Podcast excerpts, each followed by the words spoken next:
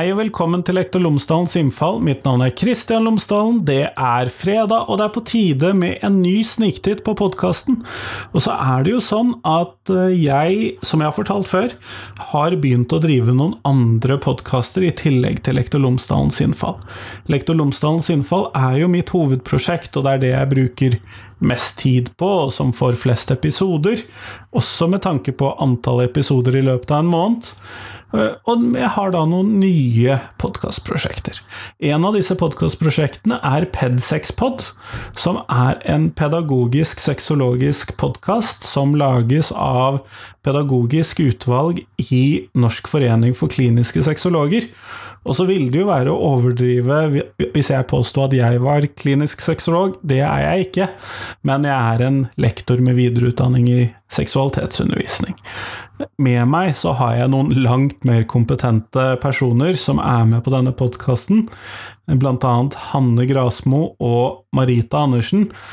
Og de er de som virkelig trøkker til med fagkompetansen i denne podkasten. Den episoden som jeg har eh, tatt med her nå, det er episode tre i sesong én.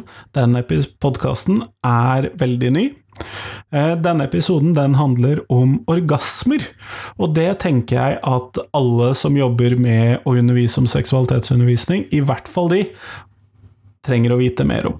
Og dette gjelder jo da faktisk eh, fagene KRLE, naturfag og samfunnsfag, og det er ganske mange lærere i norsk skole som dermed kan ha godt av å vite om den. Jeg lærte i hvert fall ganske mye av å høre Marita og Hanne snakke med meg om dette temaet.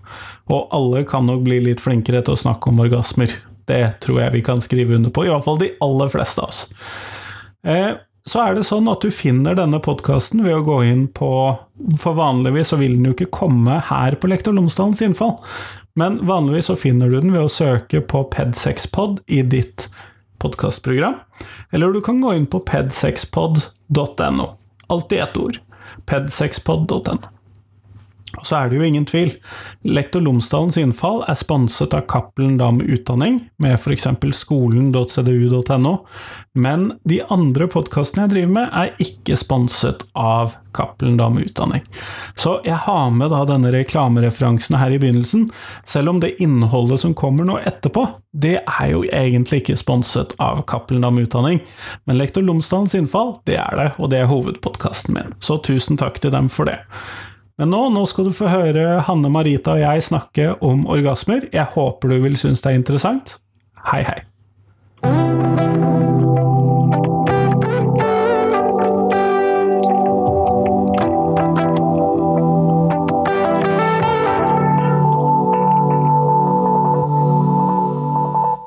Folk som jobber med folk, trenger mer kunnskap om seksualitet. Velkommen til Pedsexpod. Her kan du høre sexologer diskutere pedagogikk og sexologi. Pedsexpod er en forkortelse for Pedagogisk sexologi-podkast. Du som lytter på, jobber kanskje i skole, i barnehage eller på institusjon, eller kanskje er du sexolog selv.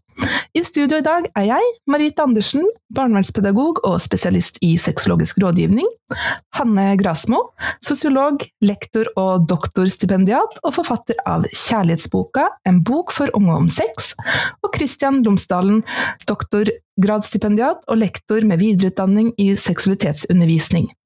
Denne gjengen sitter i pedagogisk utvalg ved Norsk forening for klinisk sexologi. Dagens tittel er orgasme, og det betyr riktignok at vi skal vie en hel episode til å snakke om nettopp orgasme. Dette er jo et tema du brenner for, Hanne. Hvorfor er det så viktig at pedagoger snakker om orgasme? Jo, sånn rent bortsett fra at orgasme er jo viktig for din egen helse og livskvalitet, også om du har barn eller ungdom, og er noe som gir lykkeligere relasjoner som voksen, så tenker jeg egentlig at orgasme det er selve lakmustesten på om pedagogikken har et sexpositivt utgangspunkt.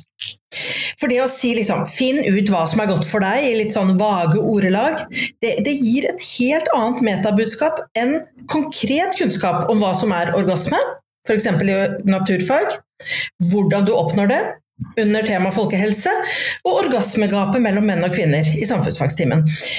Ehm, for orgasme handler jo om nytelse, Og det å lære om det, det gir en klar beskjed om at nytelse er greit, og kan ta bort skammen. Um, så jeg tenker liksom bare det å snakke om det, både med barn og voksne, det gir et budskap om at sex er bra for deg, og at du fortjener så i denne episoden av Pedsexpod så håper vi jo egentlig da å spre litt kunnskap og engasjement rundt nettopp det her med orgasmer. Men sånn helt først, eh, hva er egentlig orgasmer? Eh, så er jo orgasmer raske sammentrekninger i skjeden eller i penis som kulminerer i en topp en sånn klimaksfølelse. Eh, og orgasmesenteret vårt, det sitter faktisk i hjernen. Eh, det betyr at man kan drømme seg til en orgasme, eller få orgasme uten å bli berørt. Og det kan også bety at man kan slite med å få orgasme hvis man tenker på veldig mange andre ting samtidig. Så hvis man altså tenker for mye på prestasjon, eller hvordan man ser ut, eller hva man skal ha til middag, eller den man kranglet med i forrige uke, eller hva man nå tenker på, så kan det da altså bety at dette stjeler av hjernens kapasitet til å få orgasme? Nettopp, for man fjerner fokuset fra hvordan de seksuelle handlingene, berøringen eller kåtheten, hvordan det føles, eh, og bruker hjernen til andre ting. Og da blir lysten veldig fjern for oss, og det blir vanskelig å få en orgasme. Um, og en god mm. eh, metode da, det kan være å ikke fokusere på orgasmen, men hva er det som er godt akkurat her og nå, i det øyeblikket jeg er i? Uh, fokuser på at uh, det skal være deilig istedenfor. Mm. Jeg tenker En ting som mange ikke vet, er at orgasme ikke er det samme som utløsning. Um, og at små barn kan få orgasme lenge før de har fått befruktningsdyktig sperm, og før jentene får mensen. Og både kvinner og menn kan jo ejakulere, altså sprute, uten orgasme. Og det er det mange som ikke vet. Og, og det er også en del menn som, opplever, som egentlig ikke opplever orgasme, men, men, de tror de gjør det fordi de spruter jo noe ut. Men det er ikke knyttet til en ekstaseopplevelse i kroppen. Um, så jeg syns jo det er viktig å lære om orgasme at alle kan få det. Og at alle kjønn kan få flere enn én orgasme i samme elskovsstund. Det er litt sånn viktig. Og så snakket vi om positive effekter for mennesker. Um, og da er ikke det bare at det er godt, men det er det at vi skiller ut lykkehormoner. Altså vi blir lykkeligere av å få orgasmer. Vi føler oss nær den andre eller de andre vi har sex med. Vi bygger opp viktige muskler i underlivet, vi motvirker blodpropp og åreknuter. Um, og vi øker også en uh, hormonproduksjon som er godt for huden, for hår, for neglene. Orgasme kan fungere som smertelindring, som søvnmedisin, og forskning har også gjort at det virker mot folk som har problemer med spasmer. Og det er litt gøy, for sånn som vi snakker om det nå, så er det en veldig sånn biologisk tilnærming av, av, hvordan det konkret funker. Litt sånn som man kunne snakka om en ting i naturfag, f.eks. Uh, og man, mm. Men hvorfor snakker vi egentlig så lite om, om orgasme når det er så mange positive effekter med orgasme? Eh, på mange måter så dreier dette seg jo om både samfunnskontroll, det dreier seg om religio religioner og religiøse eh, bevegelsers kontroll på samfunnet, og det dreier seg om skam på mange måter. Og jeg eh, syns at skam egentlig er et veldig interessant fenomen, sånn at det ligger veldig mye å utforske der, for skam på noen ting kan ha positive effekter, og andre ting så har det jo åpenbart bare blitt brukt til hva skal vi kalle det, negativ samfunnskontroll. Eh, og vi ser jo det særlig opp gjennom 1800-tallet, litt mindre i perioder før, men dette har gått i bølger gjennom århundrene, hvor man har hatt en veldig tydelig antikroppslig, veldig tydelig antiseksuell uh, bevegelse. Man skal kjempe mot seksuell lyst. Kvinner har ikke seksuell lyst. Kvinners seksualitet var jo fraværende i store deler av historien. Men, men du, kan jeg bare skyte inn her med ja, den protestantiske, protestantiske, moralen her?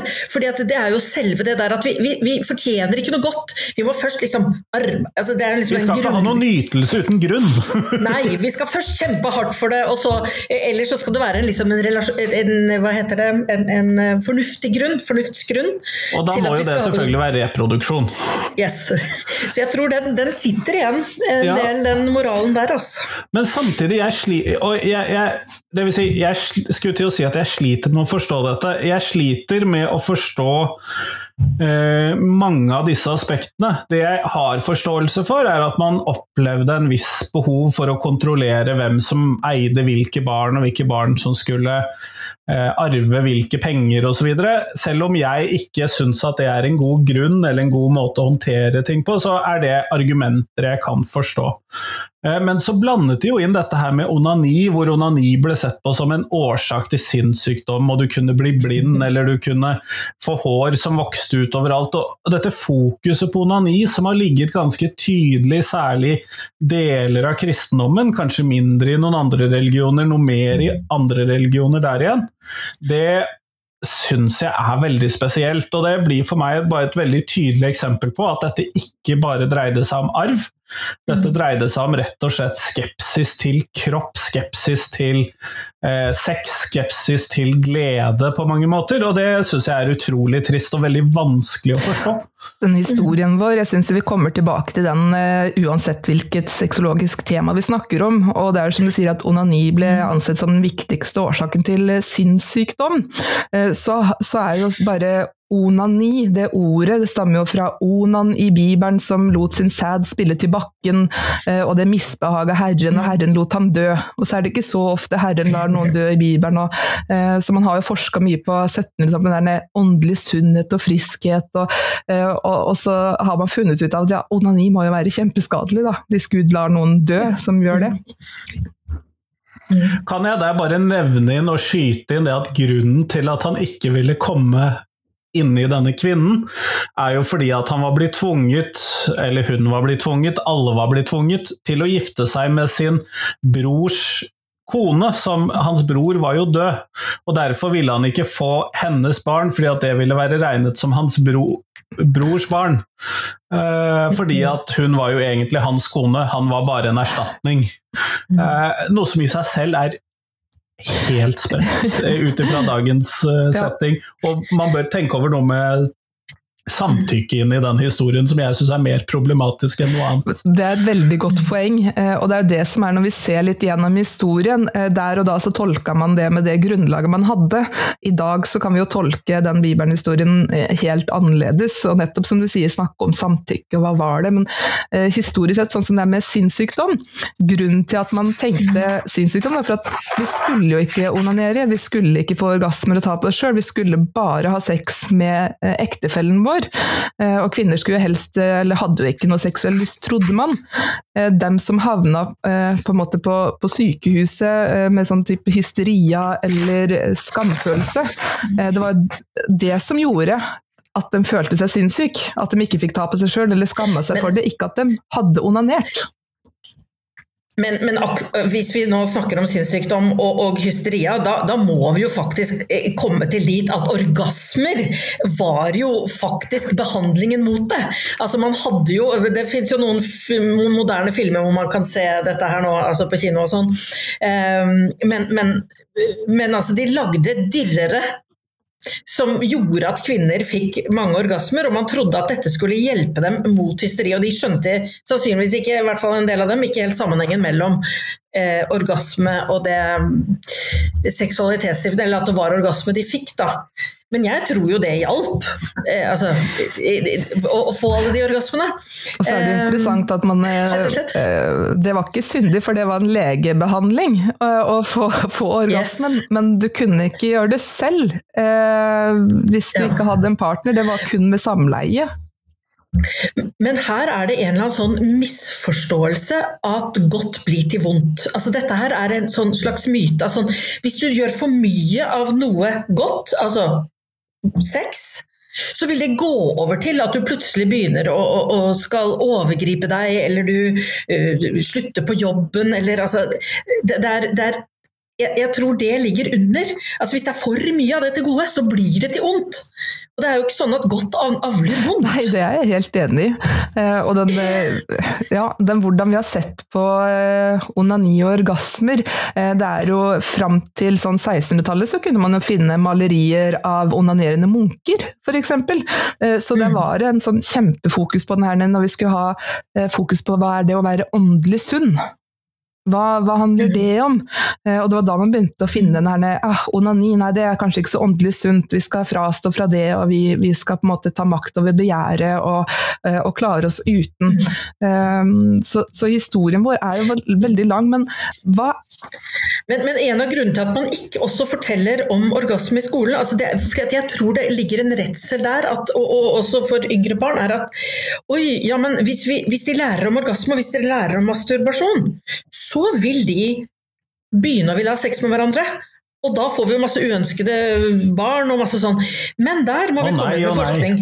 Der må vi, ja, men der må vi komme inn med forskningen. Fordi i seksualundervisning hvor de har lært om egenytelse, eh, om orgasmer, så utsetter det faktisk altså Dette er det gjort større studier på, så utsetter det den såkalte debutalderen, altså når man har samleie første gang. Fordi nettopp det å kunne ha sin egen seksualitet, eller eventuelt ha seksualitet med andre uten samleie, det er jo bra og sunt. Eh, altså, det, er en bra måte. Det, blir ikke sykdommer av det, det blir ikke uønsket graviditeter av det. Eh, og det er jo faktisk en måte å kontrollere sitt begjær på. Man kan gå og bli kjempekåt på noen, eh, men man kan eie orgasmen sin selv, eller man kan bare dele orgasmen, ikke nødvendigvis et samleie med en annen Ja, så har vi snakka om eh, det her i andre episoder òg, at man, eh, barn også kan jo kjenne lyst. At man har den mm. kåthetsfølelsen i kroppen. Og så er det fint å vite at du må ikke være forelska og ha noen andre som kan hjelpe deg med den følelsen. Dette kan, det har vi faktisk mm. instrumenten til å gjøre helt på egen hånd. Vi kan ha det godt med lysten vår, og vi klarer å utføre det sjøl. Eh, men hva er uh, egentlig konsekvensen, da, hvis vi, uh, når vi ikke lærer noe om orgasme som barn og ungdom, hva, hva blir konsekvensen av det, da? Ja, Det ene konsekvensen er jo at det blir vanskeligere for folk å få orgasme. Alle får det ikke til på egen hånd. Altså, og det går igjen utover et godt seksualliv med deg selv og med andre. Og Det er jo også gjort noen interessante undersøkelser på at man ser hvem har et uh, vellykket seksualliv som voksne det er de som masturberte og fikk orgasmer som unge eller som barn. Um, og, og, og, det er jo mye større sjanse for å ha et vellykket sexliv med andre uh, hvis du har, eier dine egne orgasmer. Uh, så det tenker jeg er viktig. Um, og så er det nå en sånn stort gap mellom at det er Man lærer liksom i, på nettet og ukeblader og i populærkulturen at man skal ha orgasme nå. Alle vet det. Både kvinner og menn skal ha orgasme når man har sex. Og så får man det ikke til. Og så skaper det prestasjonsangst. Kvinner som faker orgasme. Eh, ikke sant? Fordi det må være der for et eh, vellykket sexliv. Men jeg tenker at hvis det, det, det må det ikke. Du, du, kan ha bra sex uten orgasme, men jeg tenker at hvis alle som har sex, eh, vet at jeg kan få orgasme når jeg selv vil, så gir det en trygghet og mindre stress og et mindre liksom, ja, en ro da, i en seksuell relasjon med en annen. Hvis du er trygg på at jeg eier orgasmene mine, jeg vet hvordan jeg skal få det til selv.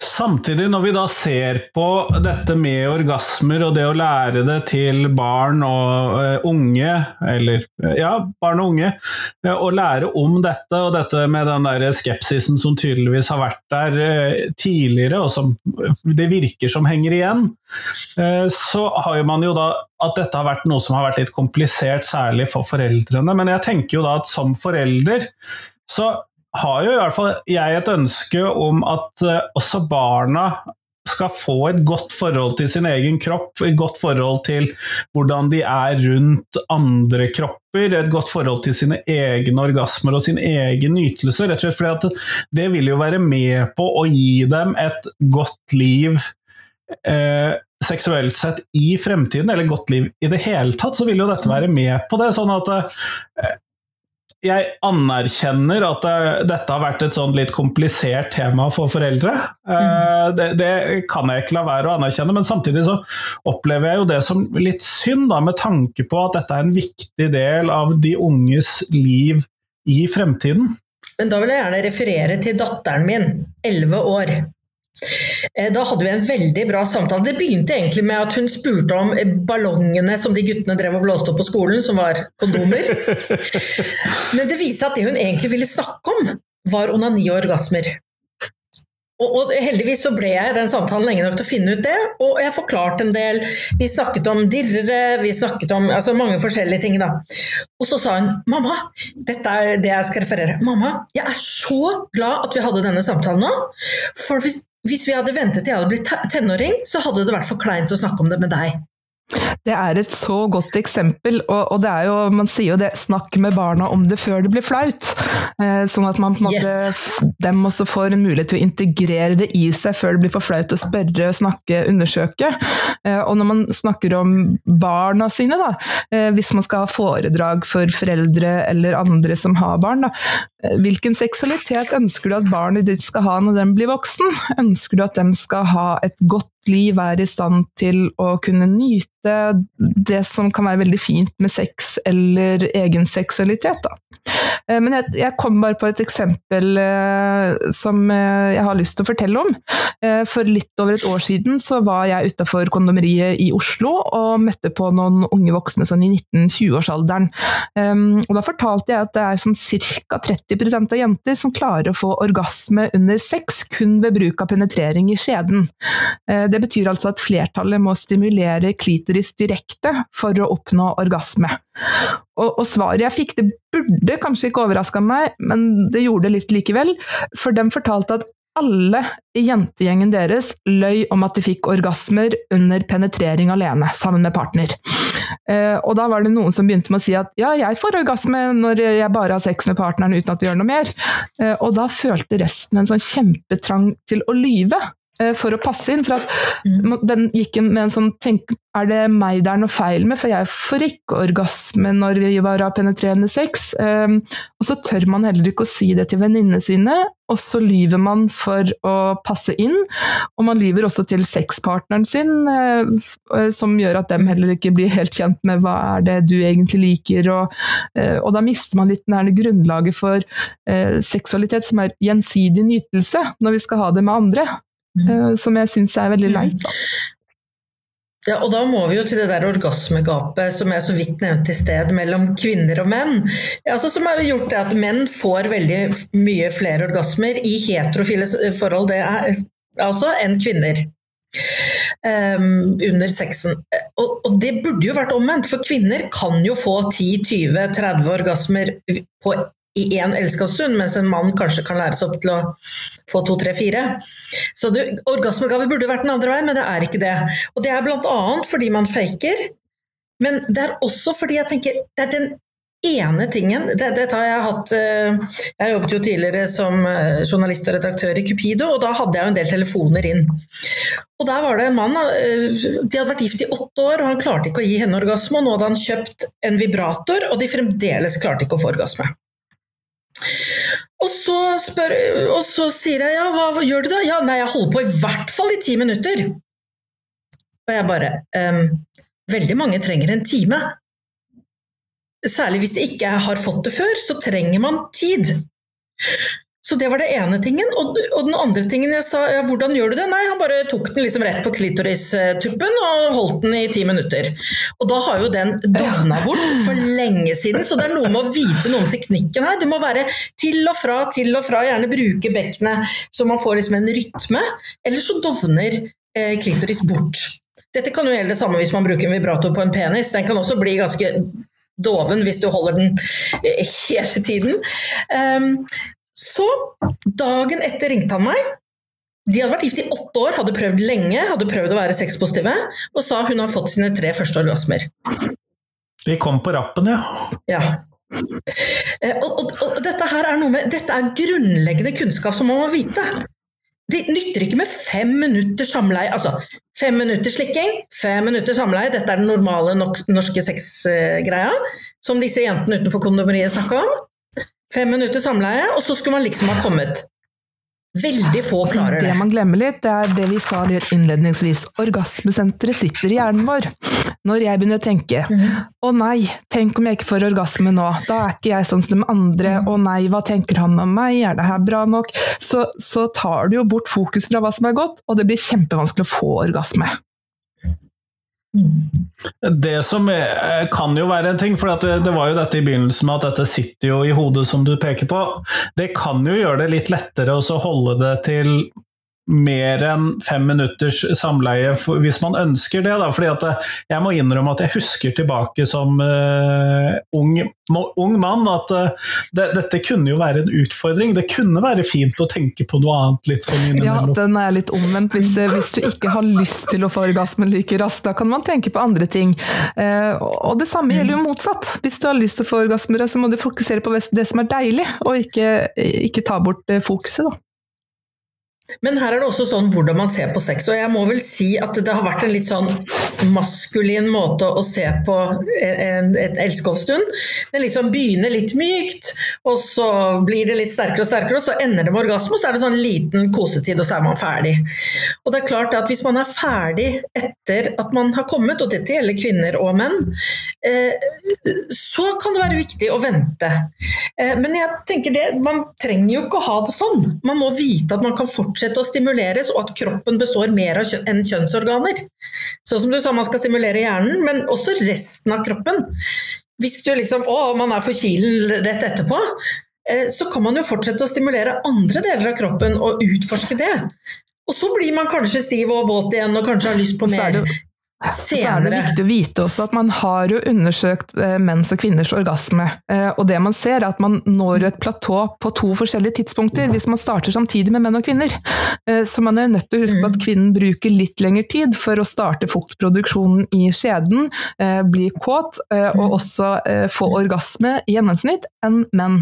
Så det betyr at man er nødt til å kanskje begynne med litt vorspiel også, hvis man skal ha, ha sex og har lyst til å få mm. orgasme sånn noenlunde samtidig. Ja, jeg, jeg, jeg, så nylig på, altså på Nyt kafé, har jo sånne online-kafeer nå. Det er, det er samme som driver Nytfestivalen, som noen av oss også er involvert i for øvrig. Eh, men, men, eh, og da snakket de med en dame som drev med tantra og orgasmer, og der er det jo veldig mye det der at ja, men kan vi ikke bare være i det gode? Hvorfor skal vi liksom ha orgasmen? Vi kan være kjempelenge på det stedet. Man må ikke videre. Altså Man kan godt være på det platået både som menn og kvinner. Og det er jo mye av det som dreier seg om i tantra. Å kunne være liksom lenge og bare ha det godt uten at man må nå noe klimaks. Og så kommer det kanskje å bli sterkere enn det hadde vært om du fikk det etter fem minutter. Hvis du venter 50 minutter, så blir det sterkere. Bortsett fra at jeg mener at for å ta ut bort noe av det stresset med får jeg orgasme eller ikke, så er det veldig lurt å få en liten, for det er ofte en liten orgasme hvis du har holdt på i fem minutter. Så får du en liten mm. orgasme ganske tidlig, eh, og så kan du bygge opp til større orgasmer etterpå, for da slipper du å bli så mye stress rundt det. For jeg opplever at det er litt sånn orgasmejag, ikke sant? det er stress. Og noen har sagt at jeg bidrar til det, for jeg forteller å du kan få så mange orgasmer, og det er så viktig. Eh, men, eh, men jeg syns det er viktig å få sagt at absolutt alle mennesker kan lære seg å få orgasmer. Tilbake til det du sa tidligere, Marita, om at, at du ikke trenger fysisk stimulering engang. Altså, det er jo gjort uh, forskning, altså den boken som heter The Science of Orgasms, vel, Beverly Whipple. Um, hvor det er folk som, uh, har, uh, som er lam fra nakken og ned, som får orgasmer. Og det er litt viktig å vite. Fordi eh, Folk tror liksom det Nei, ja, jeg er ikke en sånn person som får orgasmer, man gir opp. Men, men, det er også noe med Det er en viktig kunnskap å si. Man kan lære det. Man kan det. også få orgasme faktisk av erogene soner, og, og, folk som har ja. uh, mista funksjon f.eks. fra bryst og ned, så kan mm. man uh, bruke arrvev og trene opp til en sensitiv erogen sone. Så det er absolutt uh, mange, mm. mange, måter man kan trene på. For um, spørsmålet om hvordan det påvirker um, barn og ungdom hvis man ikke får lære om orgasmer, det har vi jo snakka litt om nå. Og det finnes jo veldig mm. mange myter myter knytta til seksualitet. og jeg, de får liksom lov til å leve litt videre i samfunnet så lenge vi ikke lærer opp barn og ungdom til å forstå kroppen sin. Mm. Ja. Ja, jeg, jeg, tror en av, en av, tingene er at altså Det er to ting som kjemper imot oss nå. Det ene er at man tror at barn og unge lærer jo alt på nettet likevel. Det er liksom den ene siden. Ja. Eh, og, og, det er vanskelig å navigere kunnskap og ukunnskap der, så, så, det er det ene. Det andre som er litt vanskelig akkurat å snakke om orgasme, for jeg tror at en del voksne føler at det nesten er sex. Altså Hvis jeg snakker om orgasme, selv om jeg ikke snakker om mine eller dine, så er det veldig seksuelt.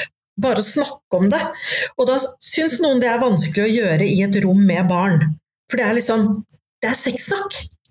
Ikke sant? Snakke om å komme, snakke om å sprute, snakke om Det blir sexsnakk i seg selv. Så det er noe med å også som tips til de voksne, man må øve seg sammen med andre voksne på å snakke om det på en veldig liksom, rett fram, men ikke sexy måte. Ikke sant? Lære seg å bruke ord som man tenker ja, men dette kan jeg klare å si uten å rødme. Ikke sant? Dette, ikke sant? Det, er, det er en trening i å snakke om sex faglig. Ikke bare tenke at nei, nå sexchatter jeg. ikke sant?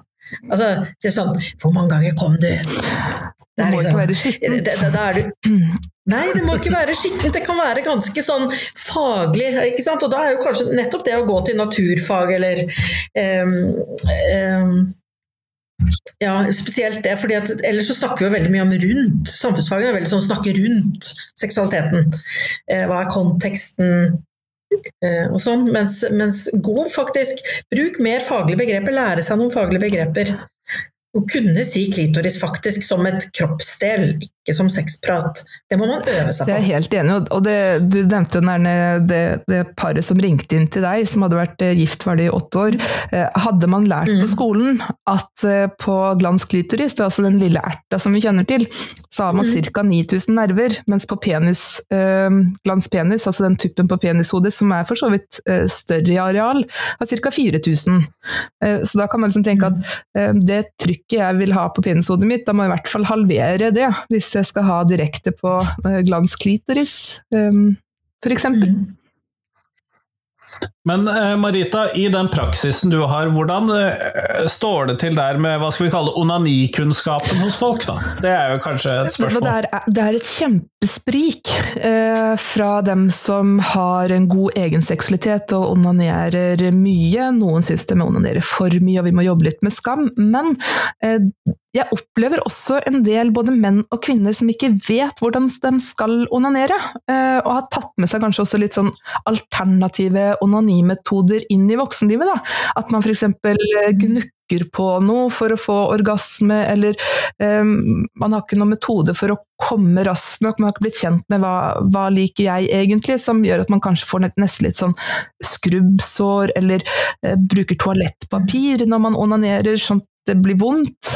Um, så, mm. så, noen ganger så, så, må jeg gi litt opplæring i ulike onaniteknikker man kan prøve på for å finne hva som fungerer for en, uh, og jobbe seg gjennom egentlig Mye handler jo om skam, føler jeg. Dem som har disse onaniteknikkene, at man um, har ikke tort å spørre, eller Men, men hva, slags, hva, slags, råd kan du gi, sånn, sånn, helt konkret, sånn at ikke vi bare går rundt grøten også, men hva, hva hvordan kan folk onanere bedre, rett og slett? Jeg pleier å tegne opp anatomien. Jeg går litt inn i naturfagen her, mm. faktisk. Mm. Så gir jeg litt beskjed. Jeg tegner opp hjernen vår, hvor ligger orgasmesenteret.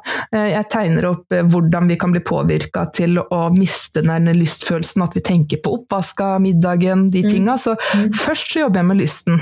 At du skal ha litt mm. lyst når du skal øh, ha det hyggelig, og, fokusere på det som er godt og deilig. Eh, og så kan man snakke om anatomien til klitoris, f.eks. Hvor kan det være mm. fint å ta? Eh, og snakker mm. Ikke bare på tuppen, men på, på sidene f.eks. Hvor har vi mest følelser i skjeden? Det er de første fem centimeterne, og innover det så er det litt ulurt å ha for mye følelser, for det kan også være en fødekanal. Eh, så jeg gir litt anatomisk mm -hmm. opplæring. Og så er det Det er ikke noe feil i å få orgasme ved å gnukke, og hvis du ikke har et problem med det, så, så kan du da fortsette med det. Det også mm. er jo Det er ikke noe som er feil, men jeg oppfordrer folk til å kjenne litt etter, eh, og ikke tenke nettopp som du sier den mm, Hvis man legger vekk orgasmen litt, å bare bli kjent med kroppen mm. var egentlig godt. Var dette godt? Mm. Eh, var det ikke godt? Ok. Um, så, så, det er uh, men, men, du har jo tid i en sånn uh, sexologisession som forhåpentligvis flere, hvis det kommer enkeltpersoner eller par til deg. Men, mens jeg har jo drevet en del undervisning, så, så jeg vil gjerne gi noen kjappe råd som bare funker fort. Fordi, og noen vil jo gjerne ha de. og da, det beste rådet jeg har kommet på, er hvis, fordi at mange klarer å bygge seg opp, og så begynner de å nærme seg orgasmen, og så, uff, så bare liksom faller hele lysten, og middagen kommer inn i hodet, og alt det der. Um, men da er det sånn at det er vanskelig å konsentrere seg om mer enn tre ting på en gang. Dette er en sånn der lurevei. Uh, og det er Så hvis du f.eks. stimulerer kjønnsorganene, brystvortene og kysser, Det er tre ting. Da, da det hørtes veldig... komplisert ut for, meg, for min del, som jo, ikke men... klarer å sammenligne eller gjøre tre ting samtidig. Nei, nei, men den ene kan jo være en, en dirrer som bare ligger f.eks. på klitoris, ikke sant. Um, du kan ta på brystvortene selv og så kysse. Altså, bare for en eksempel. Eller hvis du har veldig sterke fantasier, så kan du stimuleres to steder på kroppen og, og uh, ha den fantasien, da er det ikke plass til en tredje ting.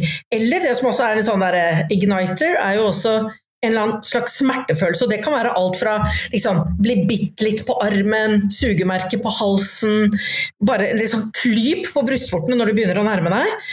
fordi at da kobler du ut veldig effektivt alle de der vanskelige tankene, skam og sånn. Du, du, klarer ikke å huske på dem. Så, så, det er også noe med å lære noe helt sånn fysisk, for ofte så er det så mye sånn å vi må tanke, vi må slappe av, vi må bla, bla, bla. Her føler jeg bare at jeg må ja. si, eh, når du sier klyp på nipplene, mm. da er det så viktig at man er, litt kjent med seg sjøl, og hvis man tenker at det her skal jeg prøve på partneren min, så Så vet du ikke hvor de var. Vær, litt sensitiv for, for erogene soner, og, og, og kjenn deg litt fram. Eh, men jeg, mm. det er jo mange metoder metoder, eh, og det er greit for dem som lytter på som sliter litt med orgasmer, eh, at man kan få hjelp av eh, sexologiske rådgiver også. F.eks. det mange mm. har ikke kontakt med kjønnsorganet sitt, eller reproduktive organet. At man, mm. det er bare tissen, og er ikke vant til å kjenne på lys lyst, har ikke noe kontakt. Så det finnes pusteøvelser for å prøve å kontakte hjerne og, og skjede, f.eks. Så det fins mange teknikker, og det er hjelp å få. Men jeg bare må si en gang til, altså pust. Det å lære seg noen måter å puste dypere på. Dypere og bedre orgasmeopplevelser.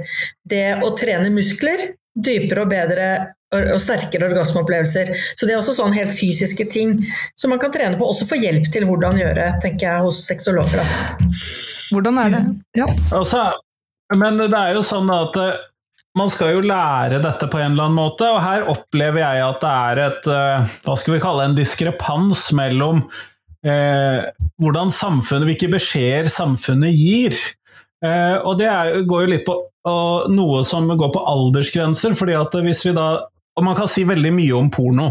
Mm. og jeg er veldig delt i hvordan jeg omtaler og ser på porno og, som noe man bruker i denne sammenhengen her, men og særlig overfor elever så sliter jeg litt med å anbefale porno, fordi at de fort så får det et preg av at her finner du seksualitetsundervisningen, og det er ikke det jeg mener. Men det å kjøpe porno i Norge, eller se på porno, så skal man i prinsippet være 18 år. Uh, og dette er jo da man For å da nyte dette eller bruke dette som materiale. Men samtidig så sier vi jo det at man kan ha sex fra man er 16 år. Uh, og vi vil jo kanskje helst at de blir trygge på seg selv, kjenner sin egen seksualitet først, før de begynner å eksperimentere med andre mennesker inni denne miksen, og at de skal bli trygge på dette. Og så får man jo ikke da noen uh, virkemidler da, til denne egenseksualiteten før de kommer i gang med den seksualiteten sammen med andre. Jeg, det, her kan jo dere regelverket bedre enn meg, men jeg husker i hvert fall fra min egen ungdom at det var sånn at nei, du får ikke kjøpe vibrator på kondomeriet før du er 18 heller. Mm. Uh, og det, det, det, ligger liksom i en del av dette at det er en diskrepans mellom vi vil gjerne at du skal bli trygg på deg selv først, men du får ikke disse hjelpemidlene. Det må du klare helt selv. Men den diskrepansen ligger jo i hele, eh, hele læreplanen også, for du skal på en måte lære først hvordan barn blir til. Og så får du liksom om, om eh, liksom, Det er liksom det viktige å lære. Og så kommer liksom dette med onani, det kommer liksom i tenårene liksom mye senere. Eh, sånn at det er også noe med at ja, men lysten, den kommer jo først. Den burde man jo lære om i barnehagen og første klasse. Mens, mens det der å lage barn, det, det, burde ikke være aktuelt på mange år enda. Ja, jeg tenker at Nå, nå har vi jo snakka ganske lenge eh, om fordeler med orgasme og konsekvensen av å ikke lære om det, og de vanskene man kan ta med seg i voksenlivet også, nettopp med det her vi, vi snakker om nå. Eh, men hvilke forslag har dere for å endre situasjonen, da? Hvor, hvor starter man egentlig?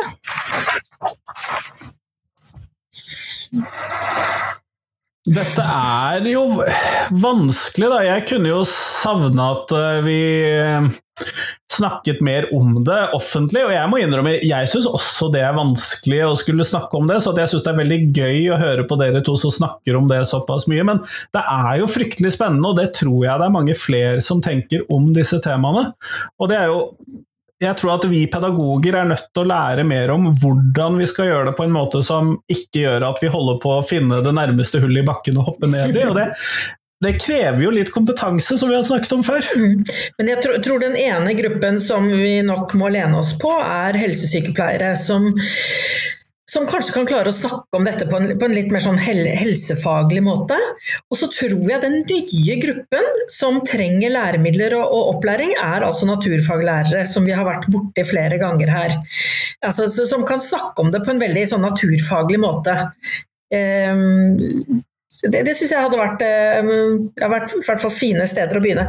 I tillegg så må det selvfølgelig læremidler til. og hvis, Jeg vet jo at det er et sånt prosjekt i, i England som gir eh, sexopplæring ved, ved, ved, helsesom, eller hva jeg skal si, healthy porn for uh, ungdom.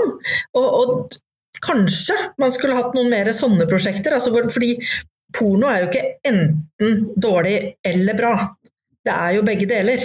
Sånn at man kunne jo også tenke seg at Eller vi kaller jo ofte god porno for erotikk, da. Sånn at liksom hva, hva kan være gode inspirasjonskilder for barn og unge? Som, eh, som, som, er det liksom den gode, den gode pornoen.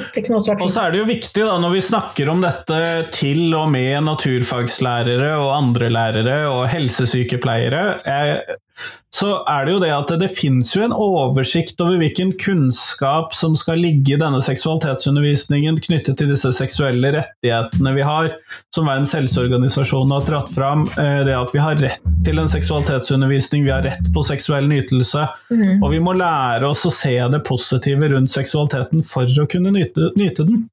Ja, for det er jo Orgasme er en helt naturlig seksualfunksjon som kan gi oss stor glede og nytelse her i livet. Da. Og dersom vi derimot føler skam, prestasjonsangst eller distanserer oss fra seksualiteten, så kan orgasme virke som et mas eller noe som det er vanskelig å forholde seg til. Da. Men god seksuell helse er litt frihet fra skam, og, og kroppen vår er ganske fantastisk. Um, og da ønsker vi å avslutte med å takke alle som har funnet veien hit, og brukt tiden sin nettopp på orgasmer. Vi i Pedsexpod kommer til å lage en serie med podkaster hvor vi drøfter ulike problemstillinger knytta til seksualitet og pedagogikk.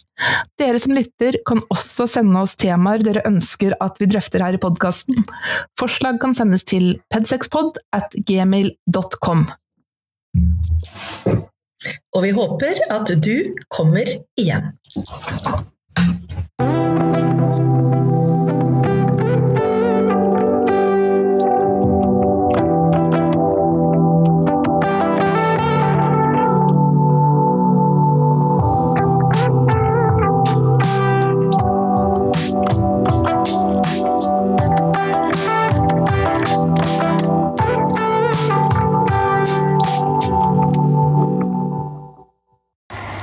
Tusen takk til deg som har hørt på denne sniktitten.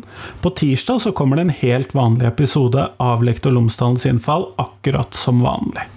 Eh, dette har rett og slett vært litt i stedet for disse reprisene som jeg vanligvis sender tidligere på lørdager, nå på fredager. Sånn at dette er en del av ekstrainnholdet på Lektor Lomsdalen sin fatt. Så jeg håper du har satt pris på det. Hvis du kunne tenke deg å høre mer på PED6-poden, så finner du den ved å gå inn på ped6pod.no, eller ved å søke opp på PED6pod i det podkastprogrammet du hører på til vanlig. Så det håper jeg du vil eh, gjøre hvis du syns dette var interessant. Podkastepisodene der skal ha et eh, pedagogisk tilsnitt, og handler jo nettopp om at mennesker som jobber med mennesker, trenger mer informasjon om kropp, seksualitet osv. Så nå tenker jeg at du skal få lov til å gå tilbake i listene mine på Lektor Lomsdalens innfall, så finner du noe mer å kose deg med nå i helgen. Og så håper jeg vi ses på tirsdag. Hei, hei!